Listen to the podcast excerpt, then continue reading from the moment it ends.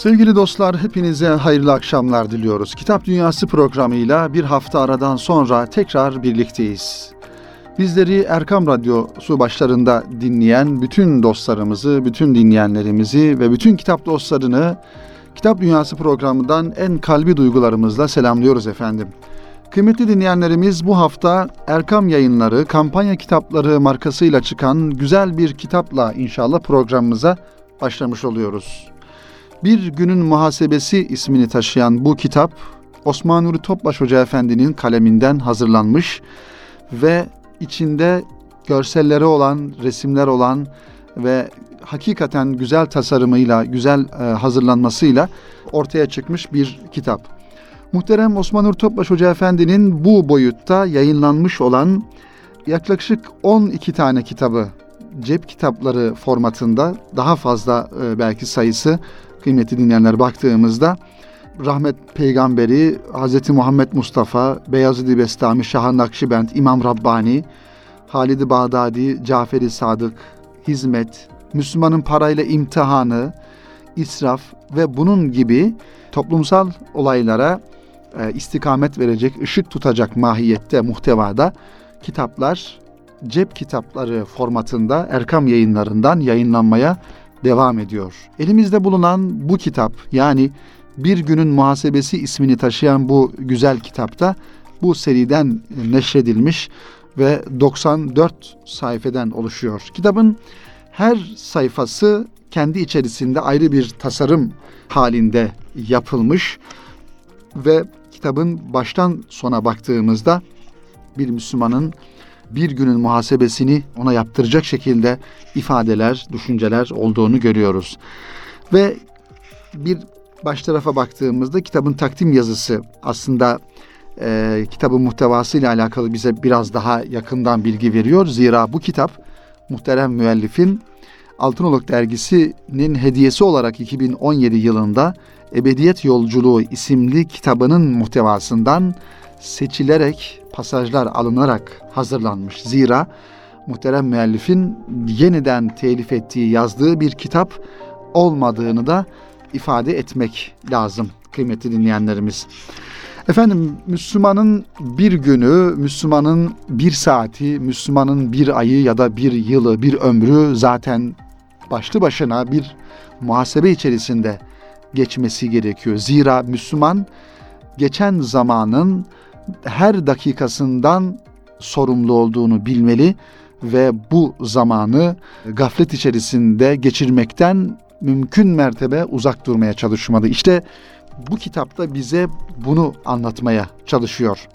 Efendim şöyle takdim yazısına bir göz atalım dilerseniz. Ondan sonra kitabın az içerisinden de sizler için bir takım bölümleri ifade edelim.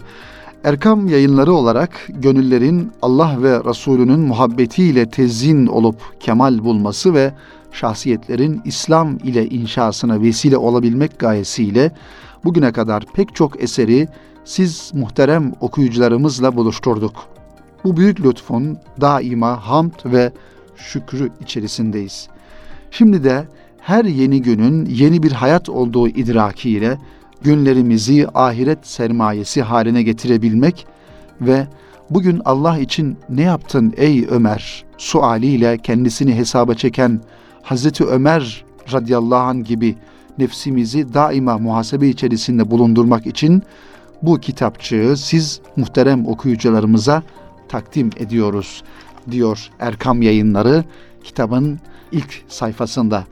Zihin ve gönüllerin maddeye ram olduğu tefekkür ufuklarının dünyevi hudutları aşamadığı, günümüzde böyle bir cep kitabının daima yanı başımızda bulunması gerektiğini düşünüyoruz. Bu kitapçık ağırlıklı olarak muhterem Osman Nuri Topbaş Hoca Efendi'nin Saadet Damlaları adlı eserinin bir günün muhasebesi makalesinin iktibasla ve kısmen de ebediyet yolculuğu eserinden derlemelerle oluşturulmuştur istifadeye medar olması duasıyla diyor Erkam Yayınları bu kitabı bize takdim ederken efendim.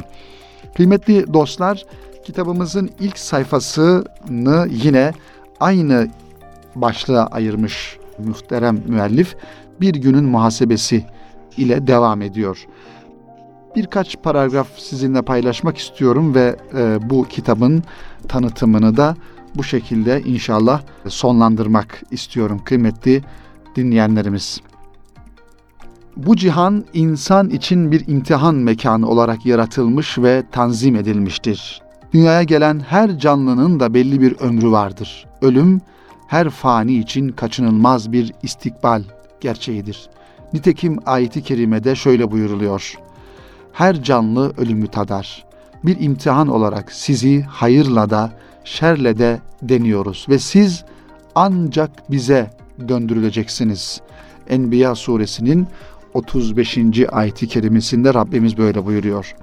Yani her doğan canlı ölüme namzettir. Her insan ölebilecek yaştadır. Her nefesin son nefes olma ihtimali vardır. Ecel sadece ihtiyarların çağrıldığı bir randevu değildir. Nitekim bir kabristana gittiğimizde orada bizden daha küçük yaşta olmasına rağmen vefat etmiş nicelerinin mezarlarıyla karşılaşabiliyoruz. Dolayısıyla şunu asla unutmamak lazımdır ki hayat bize uhrevi saadeti kazanmak için bir defalığına lütfedilmiş sınırlı bir nimettir. Hayat imtihanımız bir sefere mahsustur. Tekrarı da telafisi de yoktur. Dünyevi bir imtihanda kaybetsek tekrar telafi imtihanına girebiliriz. Onu da kazanamazsak bir başkasına girebiliriz. Lakin hayat imtihanımız bir sefere mahsus. Dünyada bir defa yaşayıp bir defa öleceğiz. Bu itibarla hayat nimetini daima ölüm ve ahiret vakasını dikkate alarak kullanmak her akıl sahibi için bir zarurettir. Zira öyle bir gün gelecek ki o günün yarını olmayacak. O gün hepimiz için meçhul bir gün. Cenab-ı Hak o gün ne her an hazırlıklı olalım diye onun vaktini bizim için meçhul kılmış. Efendim kitabın muhtevasının ilerleyen sayfalarına baktığımızda her sayfasında ayrı bir fotoğraf ve o fotoğrafın muhtevasına dönük ve o fotoğrafı bütünleyen şekilde yazılar, pasajlar, mesajlar görüyoruz. Gerçekten bir günün muhasebesini yapma noktasında bir insanın hayatının her anını Rabbinin rızasına uygun bir şekilde yaşayabilmesi için bir uyanıklık halinde olması, bir manevi dirilik içerisinde olması gerektiğini bu kitabın satır aralarında görüyoruz. Bugün diyor muhterem müellif, bugün seni pençesine düşürmüş veya düşürebilecek olan nefsani arzulara karşı koyma iradesini gösterebildin mi? Allah Teala nehyettiği halde sende bulunan kötü hal ve tavırlardan vicdanen bir rahatsızlık duydun mu? Bunlar yüzünden nedamet gözyaşları döktün mü? Bugün dilini boş ve lavali konuşmalardan, yalan ve dedikodudan, gıybet ve münakaşadan ve bir gönle diken batırmaktan muhafaza edebildin mi? Bugün senin için yaratılan bu kainattaki billur bir avize teşkil eden yıldızları, semanın sonsuzluğunu, yeryüzüne hayat veren güneş ve ayı, sermayesi aynı toprak olan bitkilerin rengarenk yaprak ve çiçeklerini, renk, koku, lezzet ve şekilde sonsuzluk arz eden meyvelerini, ancak bir iki haftalık ömrü olduğu halde kelebeğin kanatlarındaki harika desenleri, insanın yaratılışındaki ibretli safaları tefekkür edip ilahi tecelli ve kudret akışlarını ve bunların lisanı hal denilen sırlı ve hikmetli bayan, beyanlarını idrak ederek mahlukatı ve hadiseleri gönül gözüyle seyredebildin mi? Efendim bu şekilde kitabımızın sonlarına doğru sorular, sorular, sorular yani okuyucuyu, okuyan insanı sarsan ve bir manada kendisine getirme gayreti içerisinde olan sorularla devam ediyor. Üstad Necip Fazıl'ın insanı ömür muhasebesine sevk eden şu mısraları ne kadar manidar diyor muhterem Osman Nur Topbaş Hoca Efendi. Diyor ki Üstad Necip Fazıl, yön yön sarılmışım ne yana baksam, sarılan olur da saran olmaz mı? Kim bu yüzü çizen sanatkar ressam? Geçip de aynaya soran olmaz mı? Efendim bu kitabı bir günümüzün muhasebesini tekrar yapabilmek, yeniden düşünebilmek, Rabbimizin bize vermiş olduğu zaman nimetini, ömür emanetini en doğru ve istikametli, isabetli bir şekilde yaşayabilmek için bu kitabı mutlaka okumak e, zorundayız. İnsanoğlu aslında her gece ve gündüz farkında olarak veya olmaksızın sayısız ölüm sebepleriyle karşı karşıyadır. Ölüm insanı her an pusuda beklemektedir. Hz. Mevlana'nın malumunuz Mesnevisinde şöyle bir ifadesi var. Diyor ki Hz. Mevlana, Ey insan, aynadaki son nakşa bak. Bir güzelin ihtiyarlığındaki halini ve bir binanın günün birinde harabe haline geleceğini düşün de aynadaki yalana aldanma. Gerçekten her gün şu fani hayattan bir gün daha uzaklaşırken kabre bir adım daha yaklaşmıyor muyuz? Her gün ömür takvimimizden bir sayfa kopmakta değil midir? İşte Cenab-ı Hakk'ın bahşettiği ömür nimetini az önce ifade ettiğimiz gibi kıymetli dinleyenlerimiz bu ömür nimetini gaflet içinde ziyan edenlerin hali bir define üzerinde yaşayıp da aç ölen bedbahtların durumundan farksızdır. Yine Üstad Necip Fazıl'ın şu mısrasıyla bu kitabımızın tanıtımını sonlandıralım kıymetli dinleyenler. Ömürlerini gaflet içerisinde tüketenlere ikaz mahiyetinde Necip Fazıl Üstad şöyle söylüyor. Kendisi aslında burada kendini kastederek, kendi durumunu bir manada gözler önüne sererek şöyle sesleniyor. Tam 30 yıl saatim işlemiş ben durmuşum. Gökyüzünden habersiz uçurtma uçurmuşum. İnşallah bizler kıymetli dinleyenlerimiz gökyüzünde habersiz uçurtma uçuranlardan olmayalım. Ve tam 30 yıl saatim işlemiş ben durmuşum dememek için kendimiz de işleyen bir insan olarak ibadetleriyle, hayatıyla hassas bir hayat yaşayarak ölçülü ve Rabbine karşı hesabını yapan, hesaplı bir şekilde Rabbine karşı sorumluluğu içerisinde e, hayatını yaşayan ins- insanlardan, kullardan oluruz efendim inşallah. Evet sevgili dostlar, kıymetli dinleyenlerimiz bu şekilde muhterem Osman Nuri Topbaş Hoca Efendi'nin Erkam yayınlarından çıkan Bir Günün Muhasebesi isimli kitabını da sizlere takdim etmiş olduk. Şimdi yine Erkam yayınlarından çıkan başka bir güzel kitaba göz atalım isterseniz kıymetli dinleyenler. Doktor Murat Kaya Bey'in kaleminden hazırlanmış bir kitap. Buhari'de namaz ismini taşıyor. Erkam yayınları markasıyla.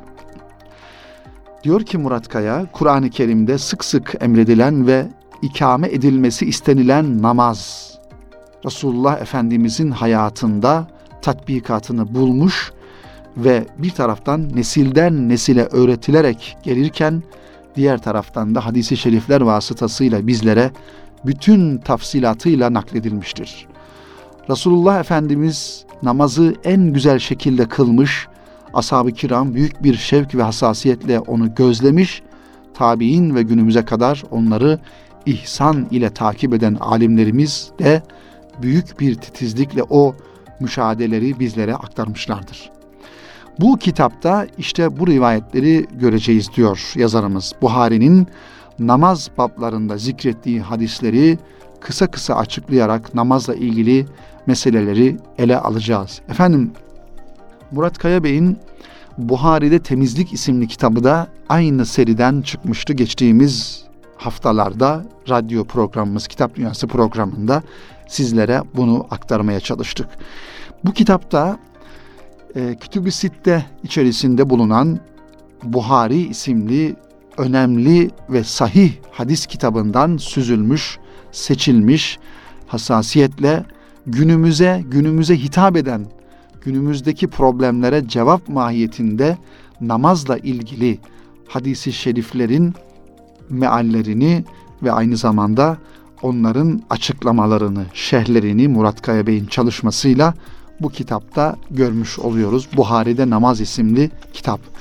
Tabi namaz dediğimizde sevgili dostlar bir mümin için, bizim için ayrı bir ehemmiyeti olması gerekir. Zira müminin en önemli vasıflarından bir tanesi de namazı kılmasıdır. Namazsız bir müminlik, namazsız bir dini hayat, namazsız bir İslami hayat elbette ki büyük bir eksikliktir. Onun için namazla alakalı Peygamber Efendimiz sallallahu aleyhi ve sellemin ve ondan önce tabii ki Rabbimizin Kur'an-ı Kerim'de, Efendimizin de hadisi şeriflerinde hassasiyetle durduğu konudur namaz mevzusu. Cenab-ı Hak Kur'an-ı Kerim'de daha ilk ayetlerde, Bakara suresinin ilk ayetlerinde namaz ehlinden bahsediyor. Namazı kılanlar ve zekatı verenler, gayba iman edenler diye Bakara suresinin ilk ayetlerinde bunlara temas ediyor. Kur'an-ı Kerim'in ilk suresi, açılış suresi olan Fatiha ismini almış Fatiha suresini biz günde namazlarımızda 40 defa okuyoruz. Ve Fatiha suresinde Rabbimize dua ediyoruz. Sapıklığa düşenlerden uzak olmak için, dalalette olanlardan uzak olmak için Rabbimize dua ve niyazda bulunuyoruz. Bizi doğru yola iletmesini Rabbimizden istiyoruz. Onun için sevgili dinleyenler, kıymetli dostlar, namaz mevzusu hakikaten önemli. Bu manada e, namazla alakalı hazırlanmış, Buhari'den hazırlanmış bu kitabı da inşallah okuyalım, temin edelim. Bakalım şöyle bir iki konu başlığını sadece zikredelim. Nelerden bahsetmiş e, yazarımız, hangi hadisi şerifleri, hangi konuları kitabının muhtevasını almış. İsra ve Miraç'ta namaz nasıl farz kılındı? Bununla başlamış. Evet, namazın tedricen artırılması. Peygamber Efendimiz sallallahu aleyhi ve selleme beş vakit namaz emredilmeden önce de Efendimiz namaz kılıyordu biliyorsunuz. Ancak beş vakit namaz değildi tabi. Hanif dininden kalan bir şekilde namaz kılınıyordu ama Miraç'la beraber Efendimizin miraca çıkmasından sonra namaz beş vakit olarak emredildi ve vakitleri de muayyenleştirildi. E, namazın adaplarıyla alakalı e, mevzular burada e, işlenmiş. Seccademizin önemli olduğu ve üzerinde nakışlı, resimli e, seccadelerin olmaması gerektiğini, üzerinde resim olan elbiselerin e, namaz kılarken giyilmemesi gerektiği gibi konular devam ediyor. Namaz konusu tabi işlendiğinden dolayı cami konusuna da temas etmiş yazarımız ve bu kitabın içerisine e, camilerle alakalı hadisi şeriflerde almış. Bunları da görüyoruz burada. Ve tabii ki baktığımızda ezan bölümünü de ezan da cemaat, e, namazla alakalı bir durum olduğundan dolayı kıymetli dinleyenler ezanın da e, fazileti ezanla alakalı konularda kitabın muhtevasında e, bulunuyor. Bunları görmüş oluyoruz. İnşallah kıymetli dinleyenlerimiz bu kitabı da bu şekilde sizlere takdim etmiş olduk ve e, Murat Kaya Bey'in Erkam yayınlarından çıkan Buhari'de Namaz isimli kitabı böylesine güzel, derli toplu hadisi şerifleri tasnif etmiş camiyle, namazla, ezanla alakalı hadisi şerifleri bir arada bulabileceğimiz, bir çırpıda okuyabileceğimiz güzel bir kitap olmuş inşallah diyoruz ve bu kitabı da sizlere takdim etmiş oluyoruz efendim. Yıllar boyu Peygamber Efendimizin aşıkları, Resulullah Efendimiz'e muhabbeti zirve olan insanların kaleme aldıkları şiirler, bunlara naat deniliyor. Efendimizin ismini yüceltmek, Efendimizin yüce olan ismiyle bir manada şerefyab olmak için yazılan şiirler, kasideler, mersiyeler Peygamber Efendimiz sallallahu aleyhi ve sellemle alakalı. Onun için bunların en önemlisi de malumunuz Süleyman Çelebi'nin yazmış olduğu Mevlid-i Nebi. Peygamber Efendimiz sallallahu aleyhi ve sellemin dünyayı teşrifinden itibaren onun farklı hayat bölümlerini e, Mevlid-i Nebi içerisinde görebiliriz, okuyabiliriz. Bizim geleneğimizde Mevlid-i Nebi'nin elbette ki farklı bir yönü, farklı bir ehemmiyeti var. Yıllar boyu bizim Anadolu'muzun topraklarında Mevlid-i Nebi okunmuş, dilden dile, gönülden gönüle aktarılmış. Bu şiir şeklinde, naat şeklinde e, aktarılan bu Mevlid-i Nebi aynı zamanda bir peygamber muhabbetinin aktarılmasına da vesile olmuş. İşte bu manada yazar ve şair Fatih Andı Şiirin Ufku Hazreti Peygamberi Şiirle Sevmek isimli bir kitap yayınlamış. Bu kitaptan inşallah sizlere kısaca bahsetmek istiyorum kıymetli dinleyenlerimiz. Fatih Andı Şiirin Ufku kitabında İslamiyet'in kabulünden sonra akademide Türk İslam Edebiyatı şeklinde sınıflandırılan edebi dönemde Efendimiz'i manzum olarak anma geleğinin, geleneğinin modern halkasını, Cumhuriyet sonrası yazılmış naatleri merkeze alarak bu geleneğin şiirdeki akislerini tek tek örnekler üzerinden incelemiş bu kitabında kıymetli dinleyenlerimiz. Yani bir manada naatler aslında dönem dönem e, farklılaşma göstermiş olsa bile özü itibariyle Peygamber Efendimiz'e olan muhabbeti, sevgiyi anlattığından dolayı e, özü itibariyle her birisinin özü, özeti birdir. Geçtiğimiz yılda Nisan ayında Sakarya Üniversitesi, Sakarya Belediyesi ve Fatih Sultan Mehmet Üniversitesi Hazreti Peygamber'i sanatla anlatmak adında önemli bir sempozyum gerçekleştirmişti.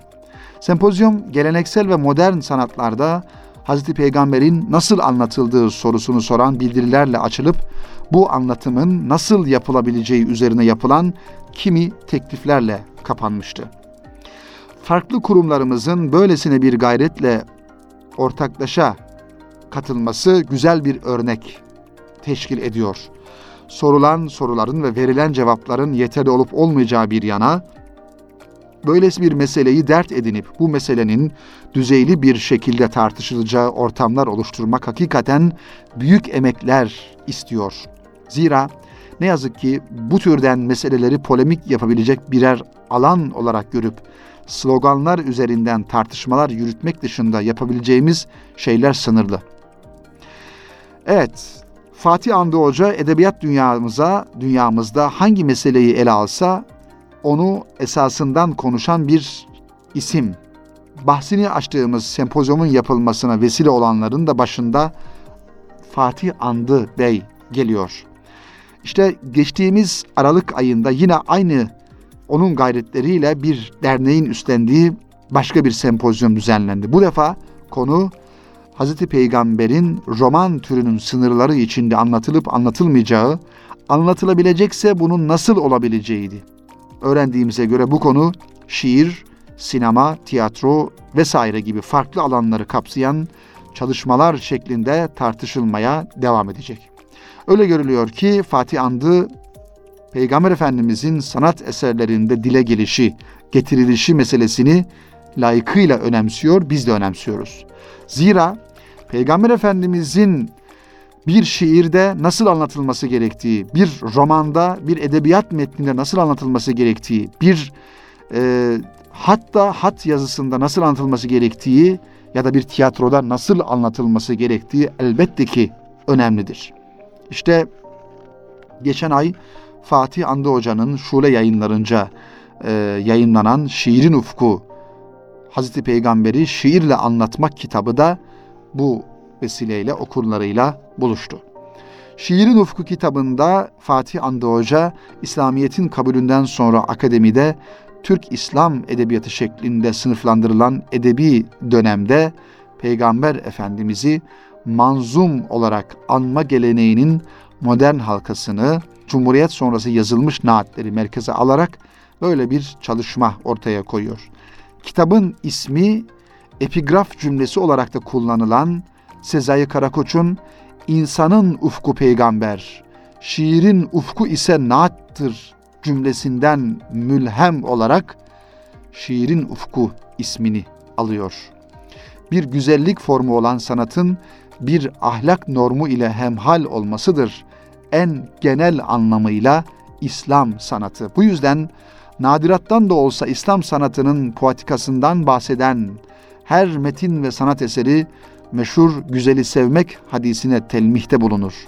Andı Hoca, Şiirin Ufku kitabının sunuşunda güzel olmak ve güzeli sevmek mevzuundan hareketli Efendimizin mutlak cemal sahibi tarafından övülmüş, seçilmiş, varlığından bahis açarak İslam serapa güzelliktir diyen geleneğimizin izini sürüyor. Klasik edebiyatımızdaki naatler silsilesini genel anlamda birbirinden beslenerek bugüne gelen bu geleneksel edebiyatın temel meselesinin hiçbir zaman değişmediği fakat form olarak modern şiirden beslendiğini ortaya koyuyor. Sonraki sayfalarda da tek tek modern şairin Hazreti Peygamber idrakini gösteriyor. Geleneksel edebiyatın kodlarından istifade ederek yaşadığı modern zamanı ahvali şiirine, naatına yansıtan günümüz şairlerinin Peygamber Efendimiz'i muhabbet, hürmet, hasret, şefaat gibi duygular, olgular bağlamında andıklarını ve bu anışın geleneksel naat edebiyatıyla kurduğu ilişkiyi örneklendirerek ilerliyor ve bize bunu sunuyor. Hocaya göre Müslüman Türk şairi edebiyat geleneğimizin birikiminden ve kodlarından faydalanmakla birlikte Peygamber Efendimizini, Peygamber Efendimizi büyük oranda yaşadığı çağın şartları ve bakış açısını da yansıtacak bir biçimde yeni bir idrakin penceresinden görmüş. Böyle bir bakış açısıyla şiirine taşımıştır.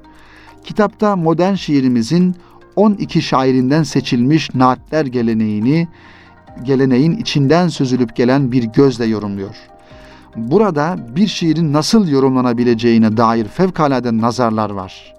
Bu şiirlerin naat oldukları düşünüldüğünde elimizdeki kitaptaki şiirler ve yorumlar ayrıca bir kıymet kazanıyor.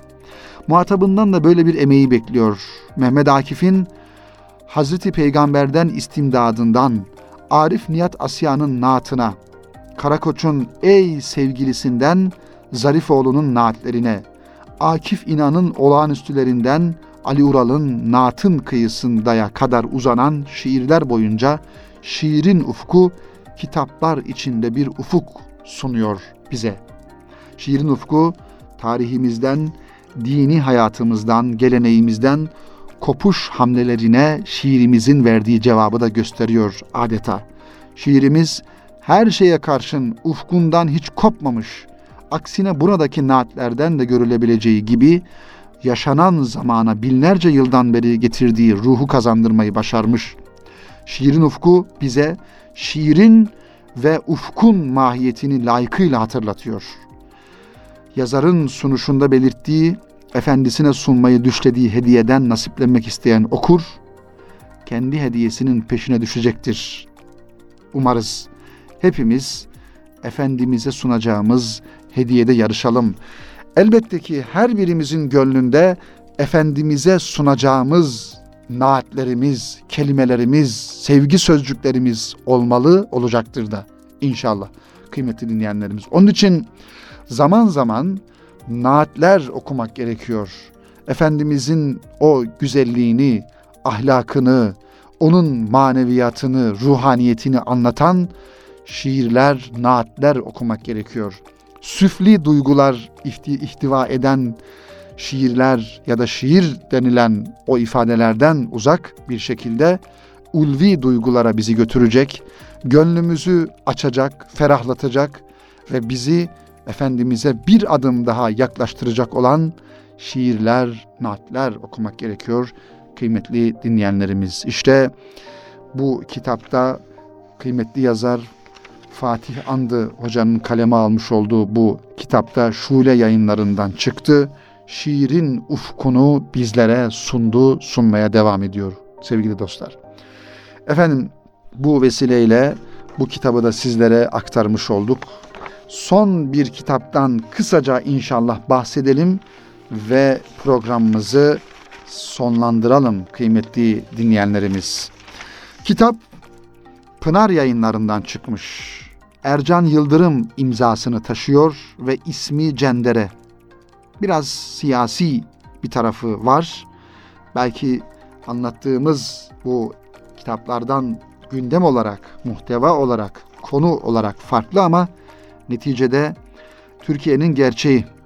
Malumunuz ülkemiz son aylarda, son özellikle birkaç yılda dışarıdan ve içeriden ihanet şebekelerinin taarruzuyla karşı karşıya ve halk olarak, devlet olarak bizler de bu ihanetin karşısında elimizin yettiği, gücümüzün yettiği kadar durmak durumundayız.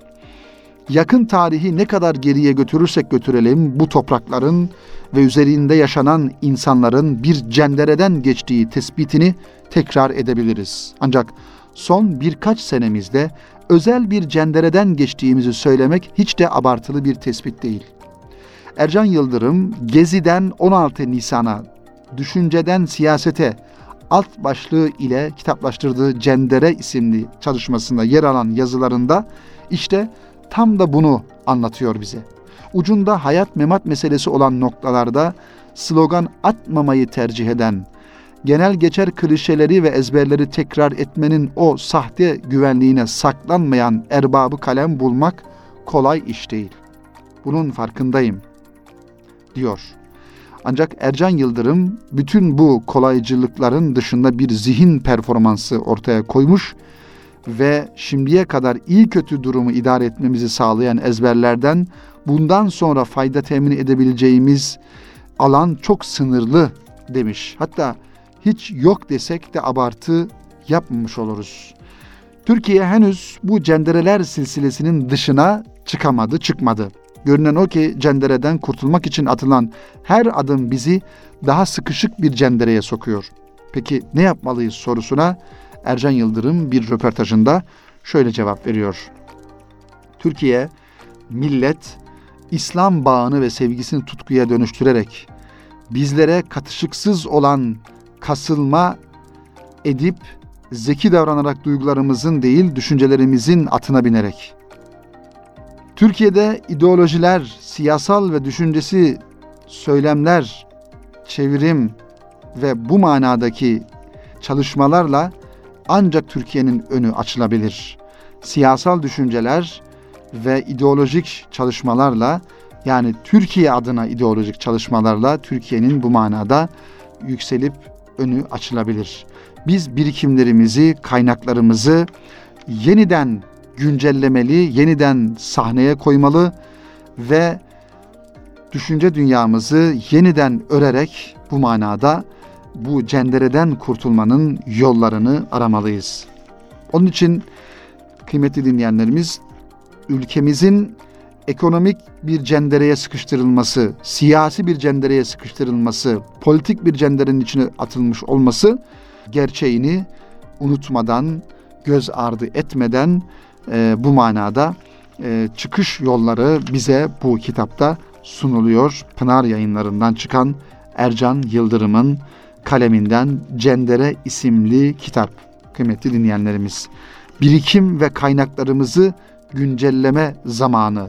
Yıllarca bizim ülkemizin kaynaklarını, birikimlerini e, başkalarına kiraya verme, ilmimizi, birikimimizi, kaliteli insanlarımızı, bilim adamlarımızı e, bir manada başkalarına verme ve kaybetme üzerinden gelmiş bir geçmişe sahip olmamızdan dolayı bir sıkışıklık içerisinde olabiliriz. Ancak son yıllarda ülkemizin gerçek sevenlerinin, gerçek vatan evlatlarının atılımlarıyla, çalışmalarıyla inşallah bu cendereden de anlamızın aklı, akıyla çıkmış olacağız diye ifadelerimizi söylemiş olalım kıymetli dinleyenlerimiz. Efendim Kitap Dünyası programının bu haftada sonuna gelmiş bulunuyoruz. İnşallah önümüzdeki hafta sizler için hazırlayacağımız yeni kitaplarla ve yeni konularla tekrar huzurlarınızda olmayı ümit ediyoruz. İnşallah önümüzdeki hafta cumartesi günü yine saat 17'de Erkam